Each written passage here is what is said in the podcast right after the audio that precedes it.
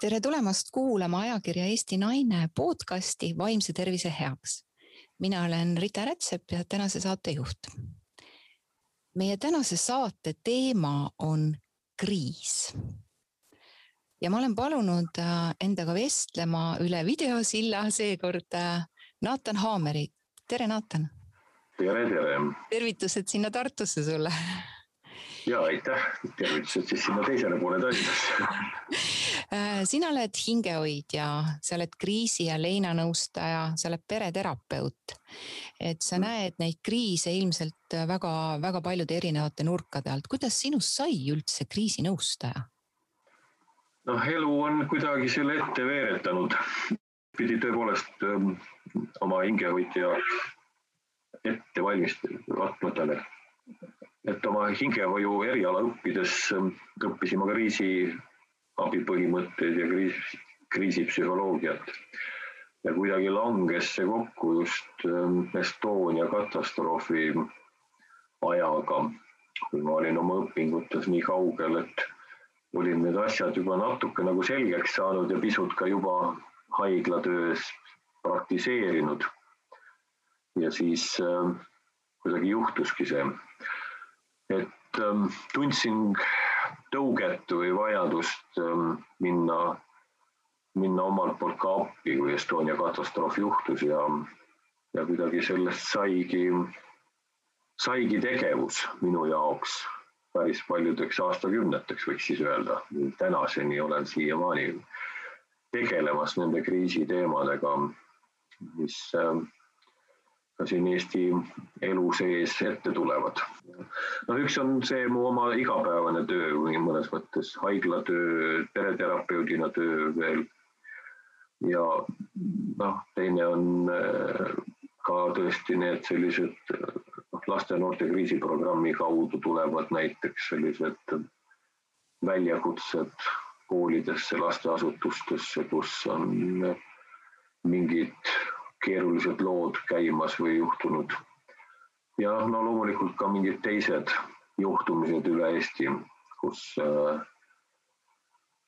kus ka on tõsised muutused, kaotused mängus. aga noh, ma muidugi võib-olla olen natukene nüüd ise pisut püüdnud tagasi tõmmata ja jagada seda vastutust ka nendega keda ma usaldan, eh, keda ma olen ka õpetanud või, või ka heade kolleegidega näiteks lastenoorte kriisiprogrammis, kes, kes seda samuti teevad. ma saan aru, et, et sinu igapäevane töö on siis eh, olla kriisinõustaja ja ka leinanõustaja ja samuti ilmselt sind siis kutsutakse välja, kui on suuremad kriisid Eestimaal. no nii on juhtunud jah et see on kuidagi kujunenud välja, et tihtipeale ikkagi neid ettepanekuid tuleb appi tulla.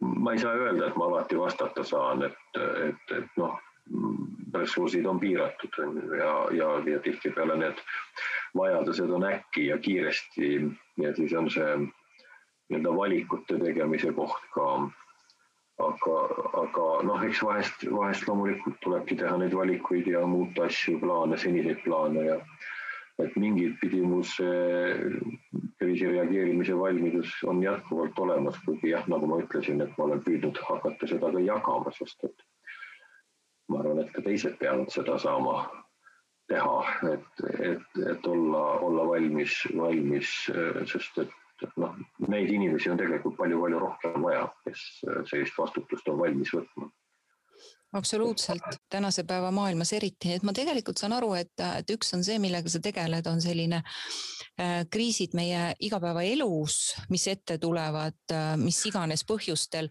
ja siis, mis on nagu katastroofikriisid, et need on erinevad ja, asjad. et äh, kas sa natukene räägiksid üldse lahti, et, et me noh, ütleme, kui me ütleme sõna kriis, siis meil tekitab see ju tohutut ärevust, eks ju. Mhm. see on, see on midagi, mida me seostame sellise negatiivsusega, et aga see kriis ei ole alati negatiivne, et mina ise ja. ütlen ka, et kriis on areng, eks.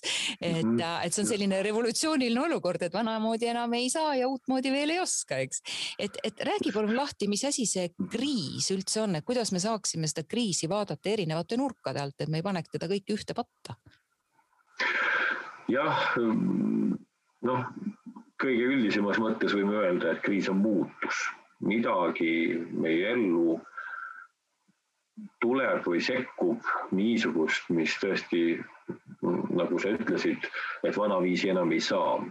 et me tõesti ei saa edasi minna enam endise plaani, endise kava, endise elurütmiga ja, ja ka palju selliseid noh, endisi võimalusi enam lihtsalt ei tööta et see on ikkagi selline paratamatu muutus ja muutusvajadus, mis äh, ilmtingimata jah, kokkuvõttes ei pruugi olla sugugi halb, aga loomulikult, kui me sellises ootamatuses muutusolukorras oleme, siis selge see, et me ei ole selleks valmis.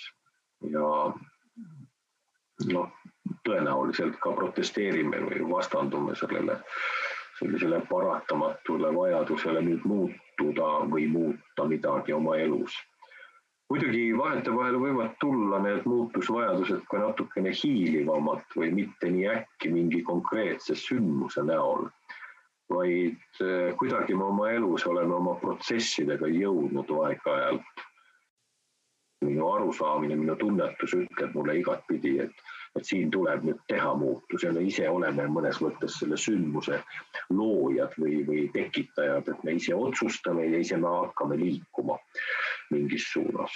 ja noh, see võib olla noh, me võime seda käsitleda positiivse, me võime seda ka enda jaoks võib-olla sellise raske ja negatiivsena käsitleda.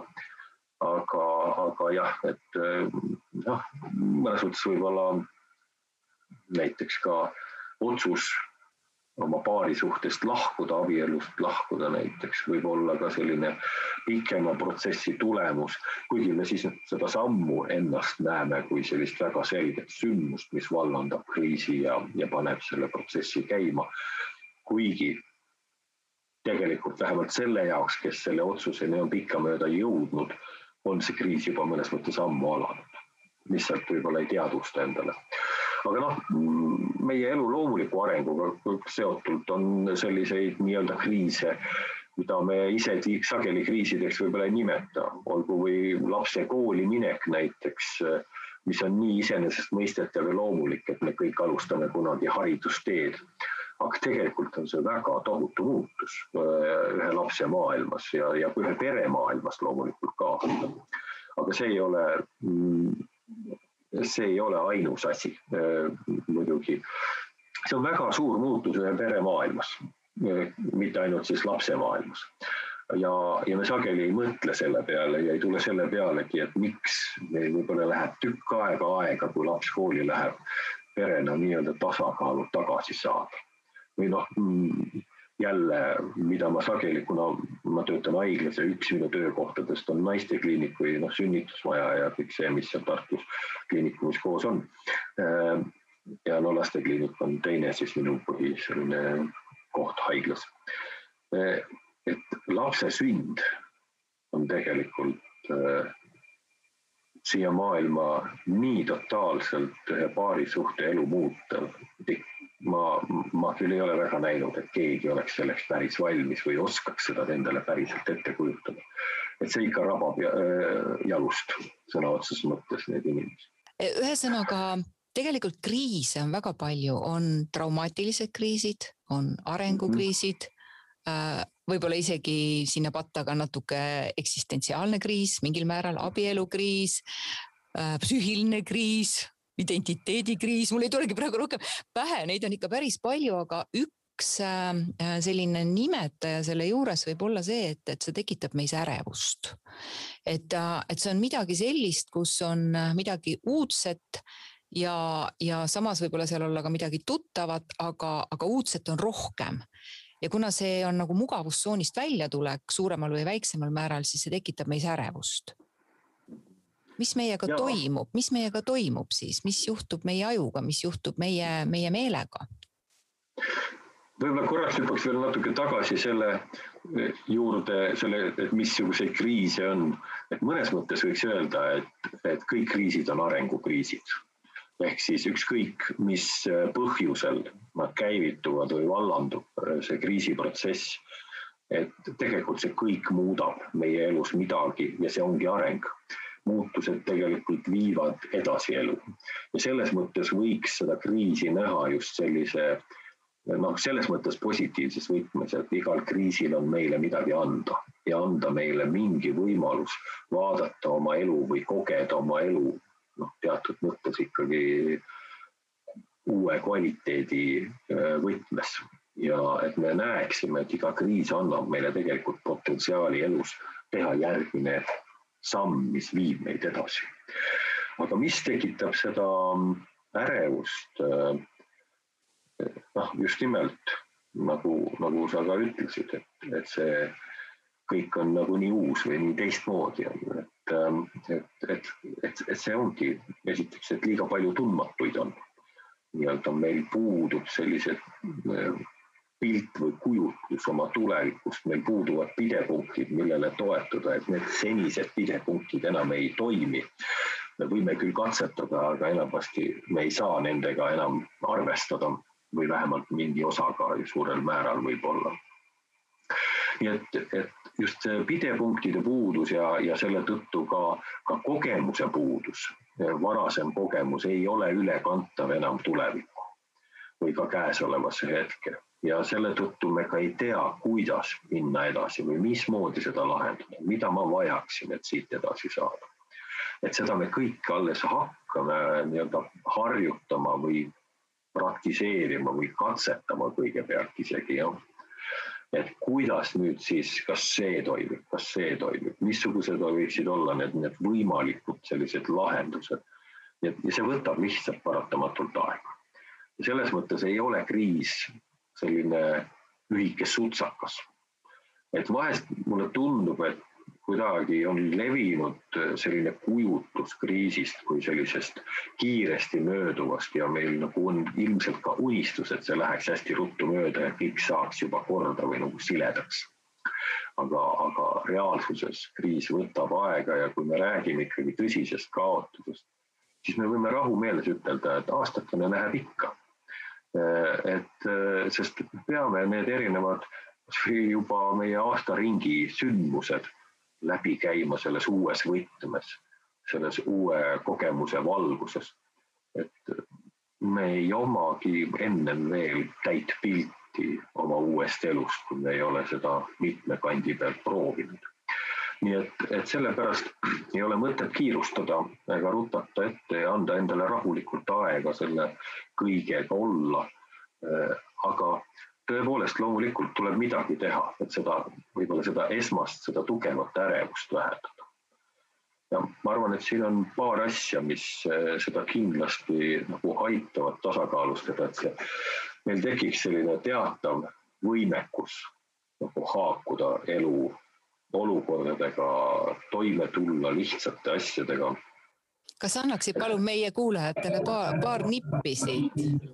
ma, ma, ma just mõtlen, et, et võib-olla on nagu kaks asja, et, et esiteks äh, tuleb tõepoolest leida selline praktiline elukorralduslik tasakaal, et teha ära need nii-öelda asjad tehniliselt nii, et see noh, tõesti kõht on täis esmased vajadused on rahuldatud, on kuskil nii-öelda pidepunktid nagu sellises praktilises ainelises mõttes olemas.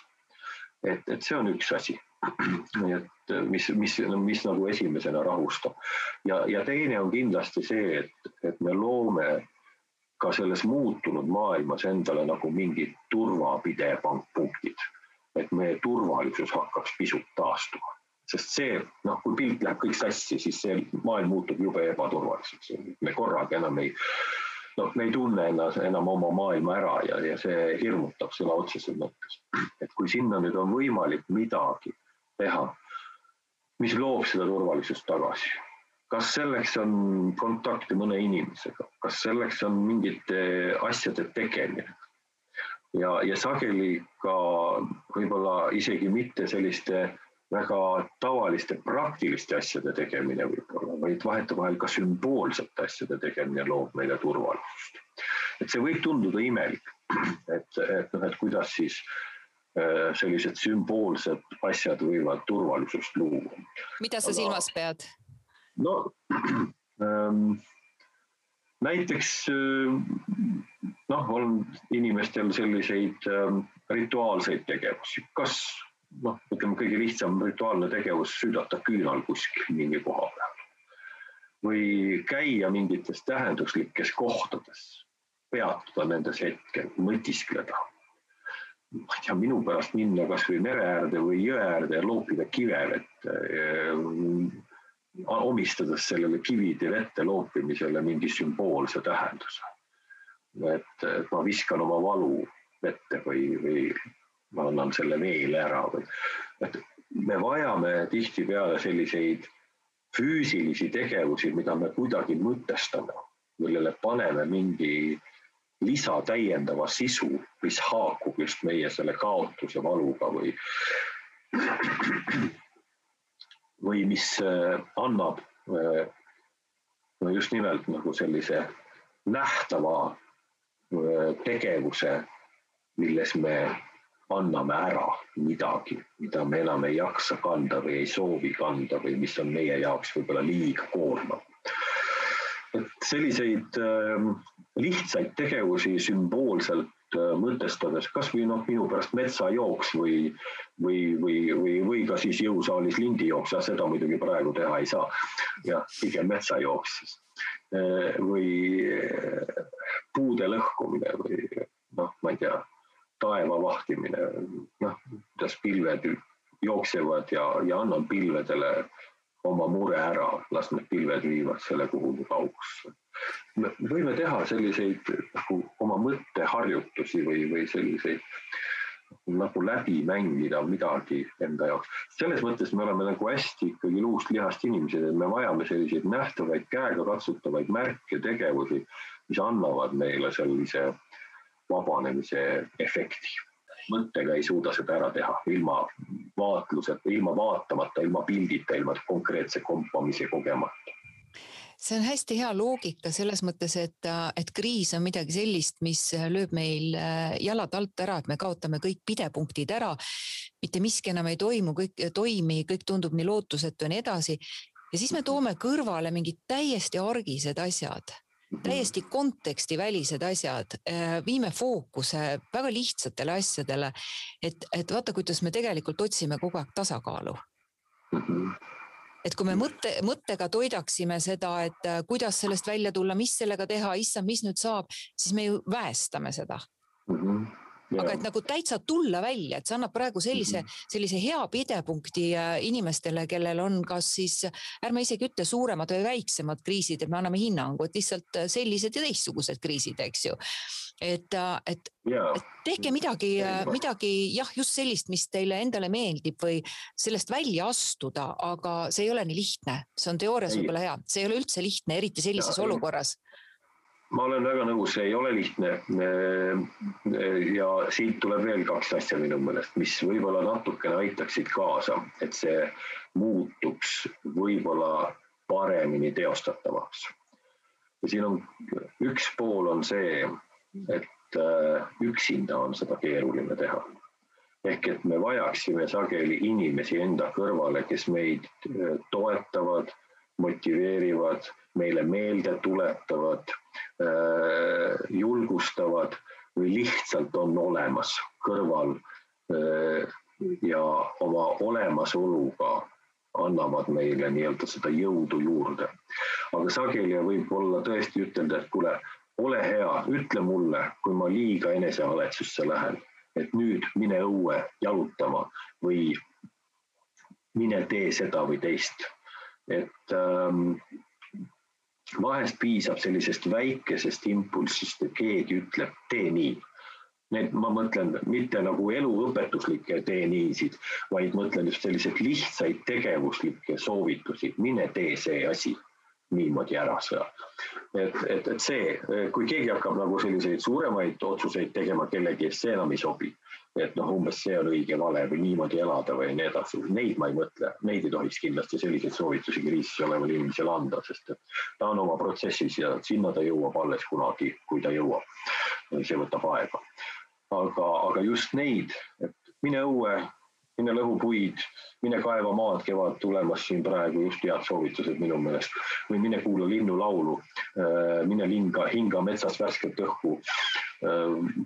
Mine merekaldale, kuula lainete loksumist, äh, mine jõe kuskile kärestiku juurde ja kuula seda veevulinat. ühesõnaga noh neid võimalusi on äh, lõputu hulk tegelikult, ainult oma fantaasial lasta lendu, et seda kõike, mida me võime seal kasutada.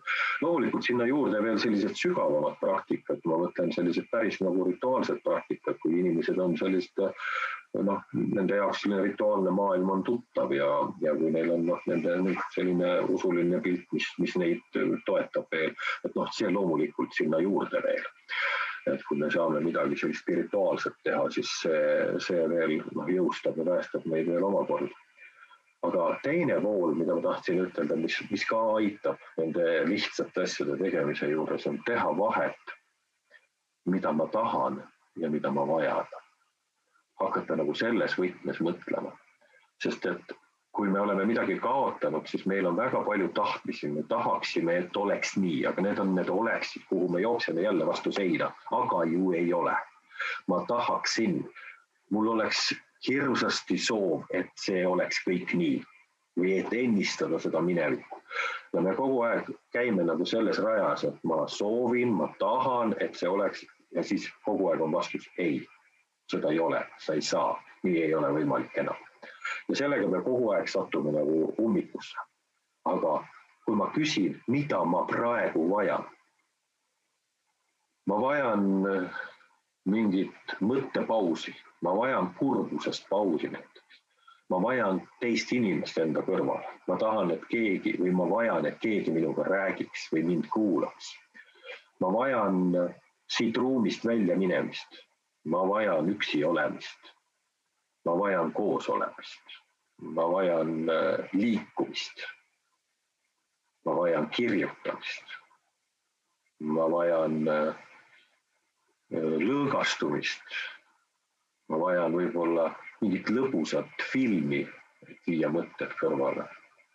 ma vajan tegevust, mis äh, aitaks mul mitte kogu aeg olla nii kurb ja nii edasi, et siit tulevad need arusaamised aga kui ma ütlen, ma tahan, siis ma jõuan enamasti nende kohtade juurde välja, mis on minu varasem pilt ja ma ei ole valmis sellest loobuma. Ja loomulikult, miks me peaksimegi, see tundub ju nii, nii, nii raske ja nii keeruline.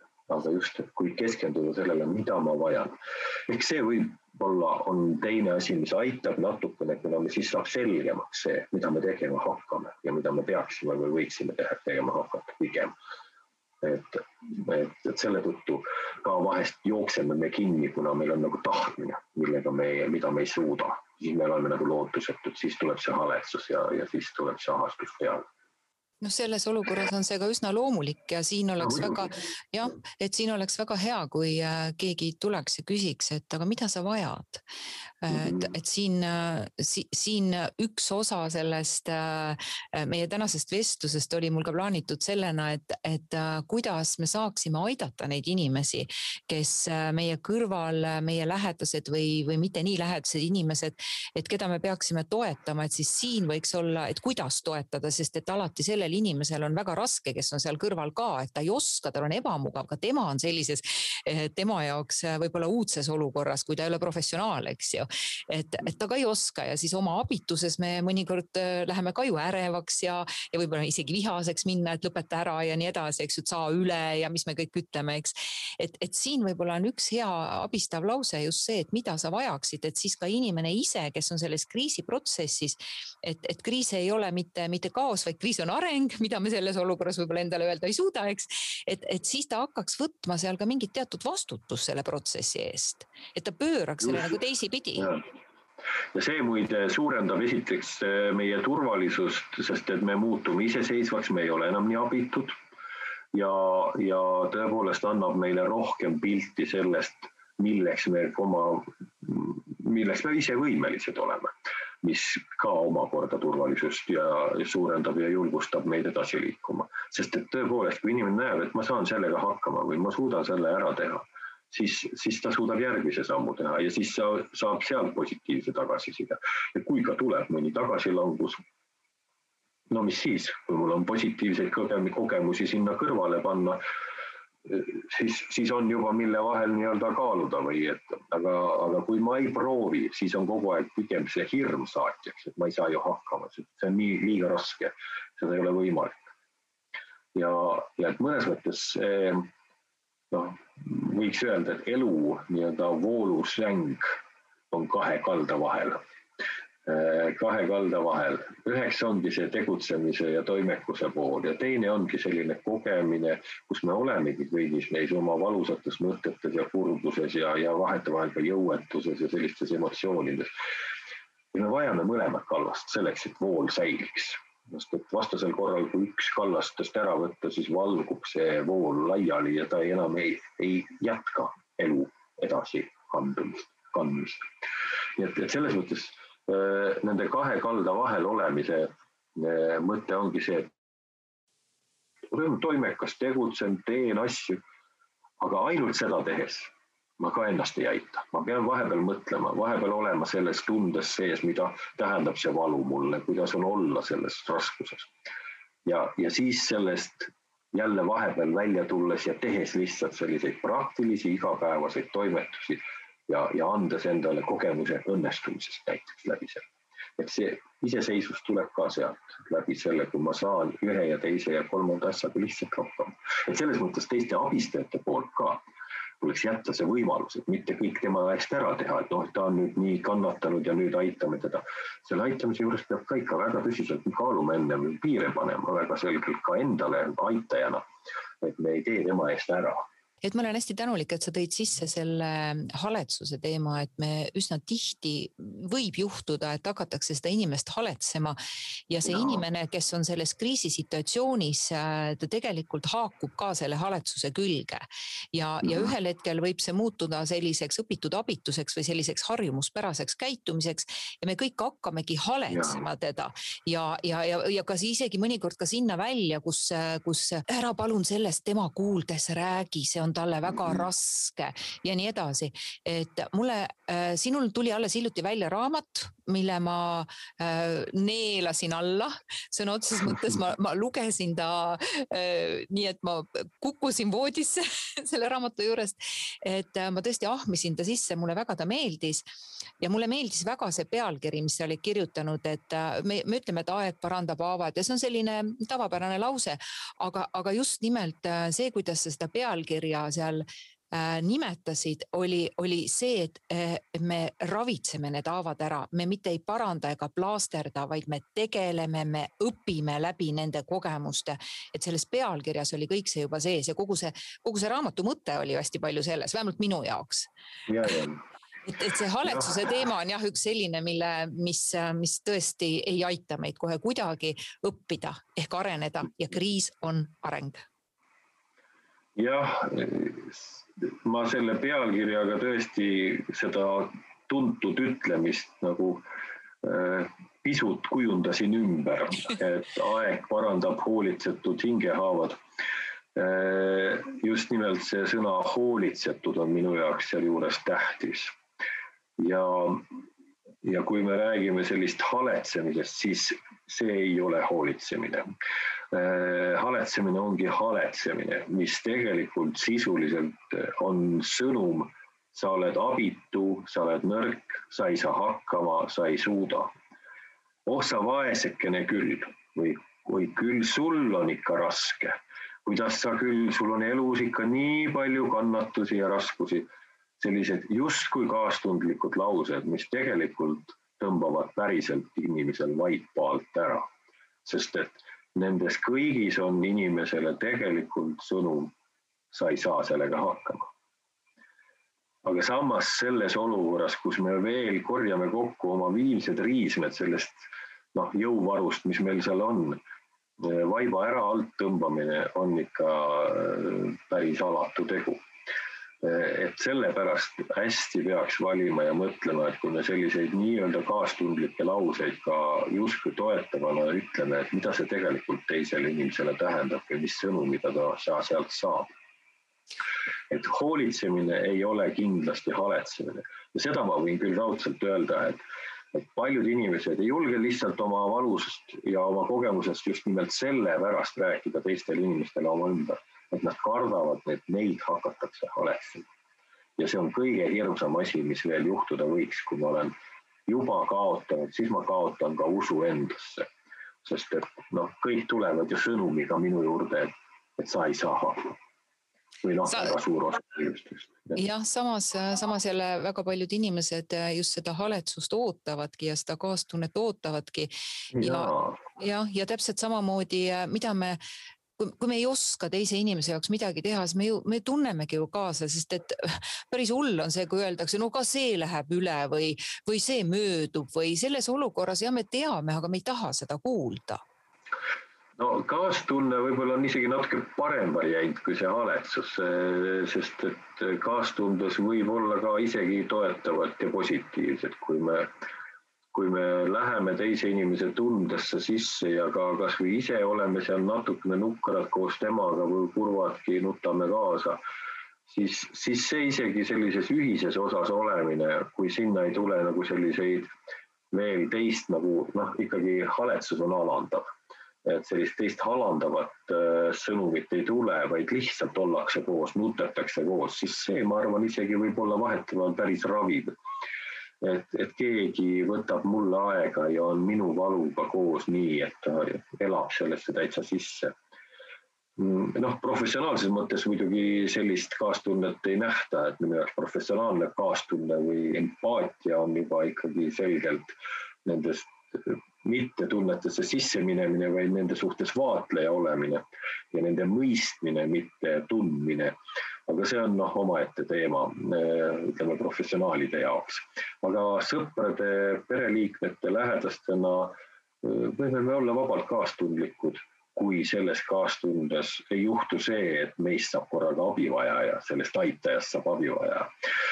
siis kui meie, kui see tegelik nii-öelda kannataja või, või eh, oma kaotuse läbielaja peab hakkama meid poputama, mis ka juhtub aeg-ajalt tegelikult kahjuks.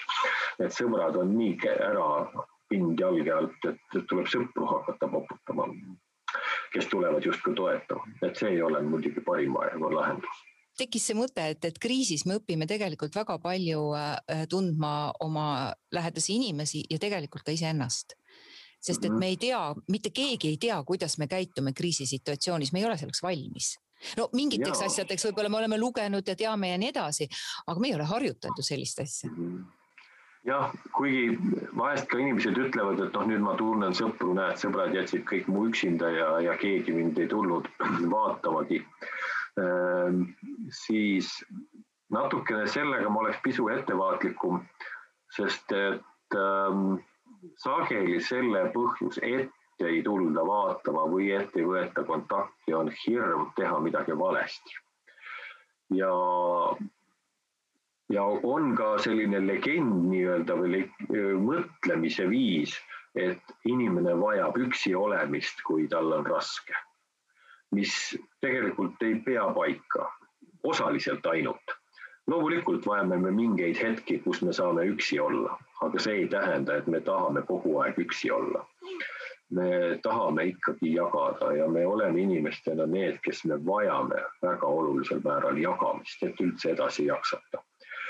oma kogemuste nii-öelda jagamine tegelikult aitab meil neid ka endast väljapoole panna või neid nagu maha panna, maha laadida et see ka asjata ei öelda, et jagatud mure on pool muret või poole kergem.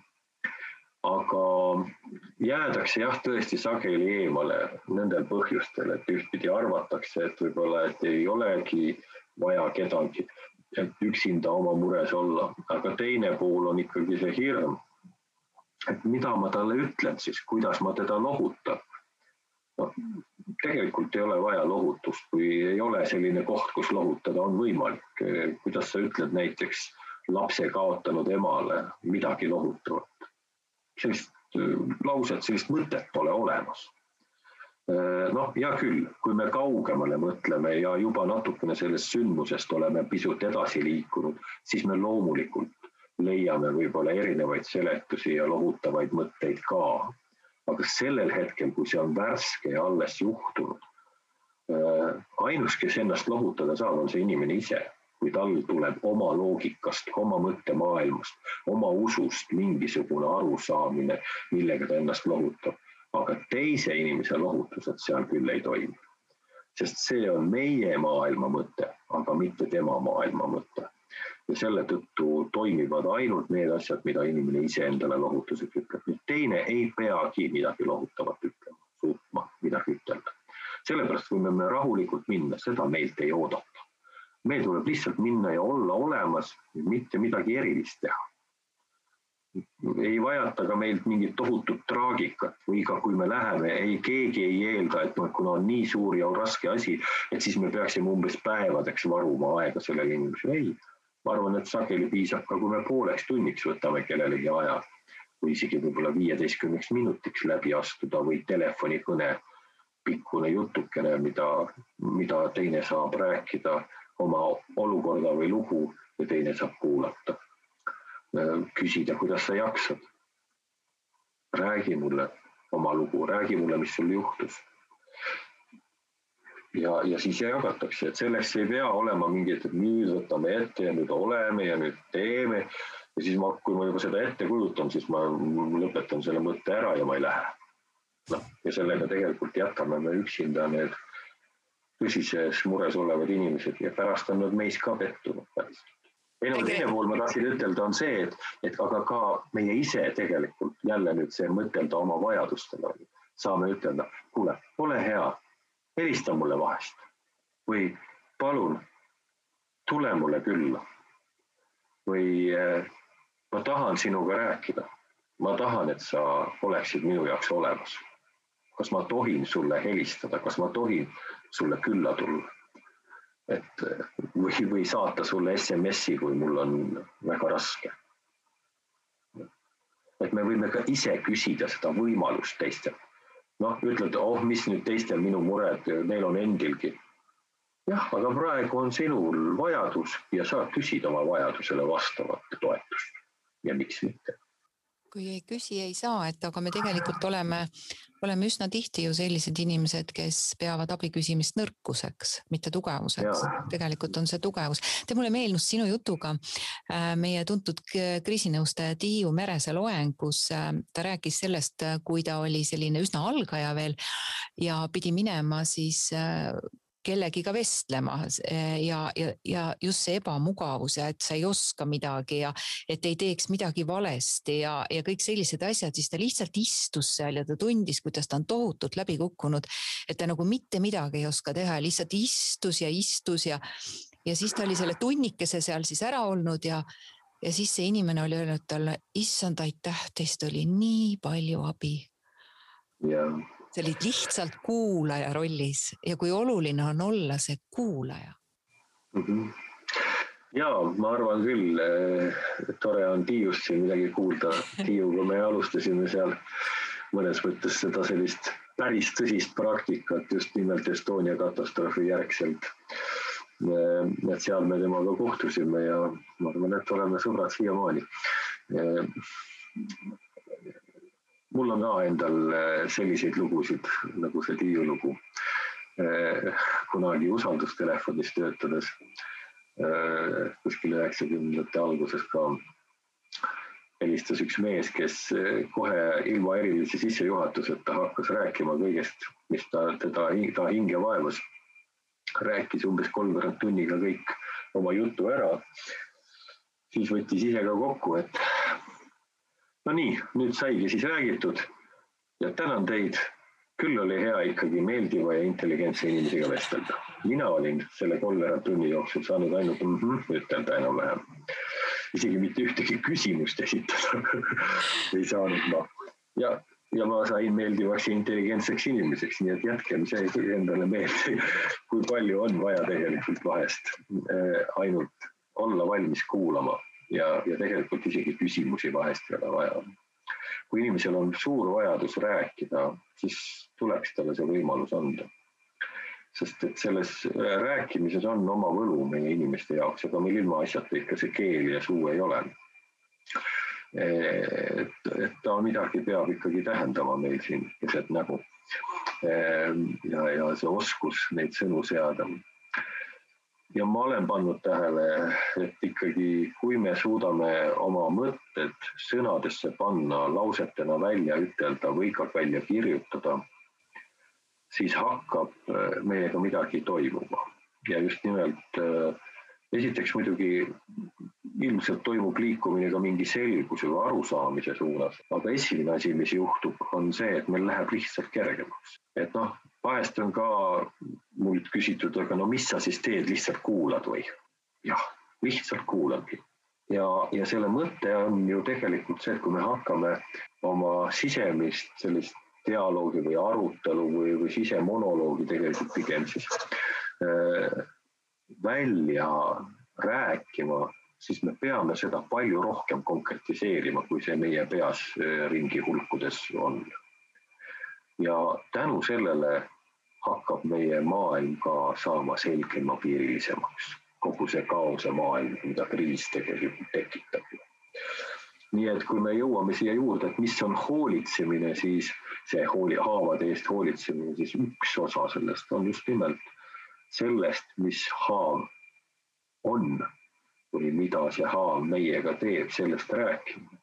teine, millest me oleme siin rääkinud, on just see, et hoolitsemine on see, et mu kõrval on keegi, kes minu kui inimese peale vaatab, mind kui inimest hindab, väärtustab nii palju, et annab mulle aega.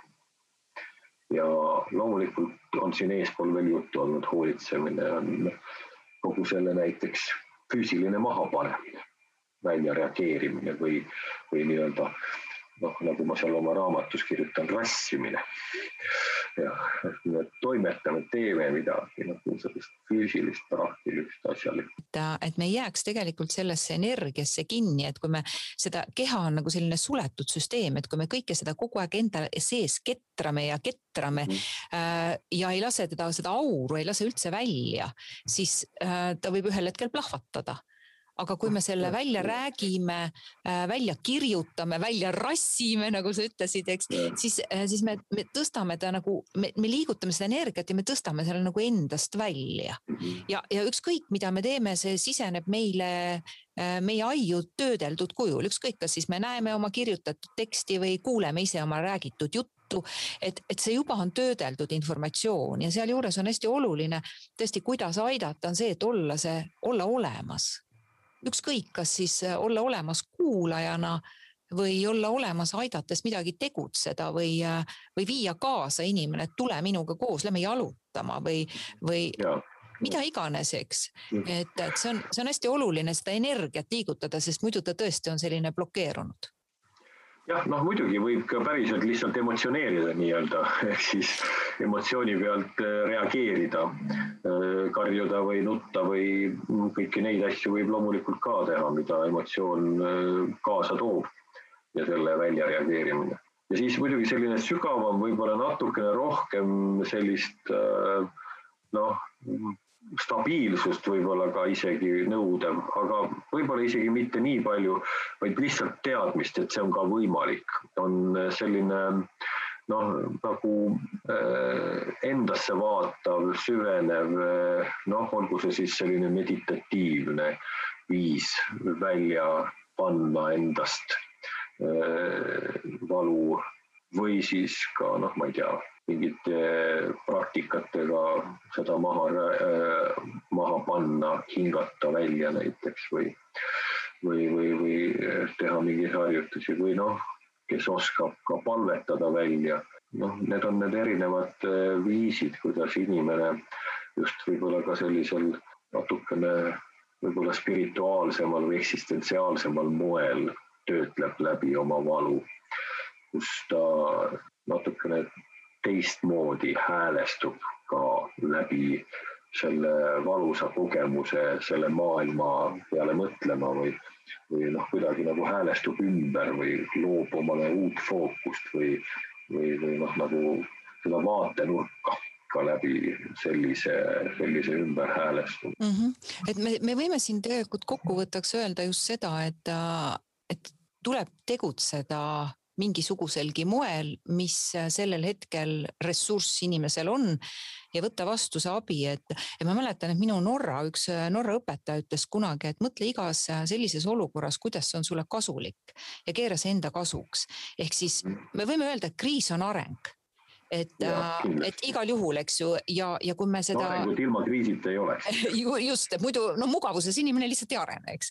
aga, aga ta on äh, elumuutev sündmus ja selle aktsepteerimine on tegelikult väga oluline, et siis ma võtan vastu ju tegelikult elu kõiges selles, mis ta mulle toob.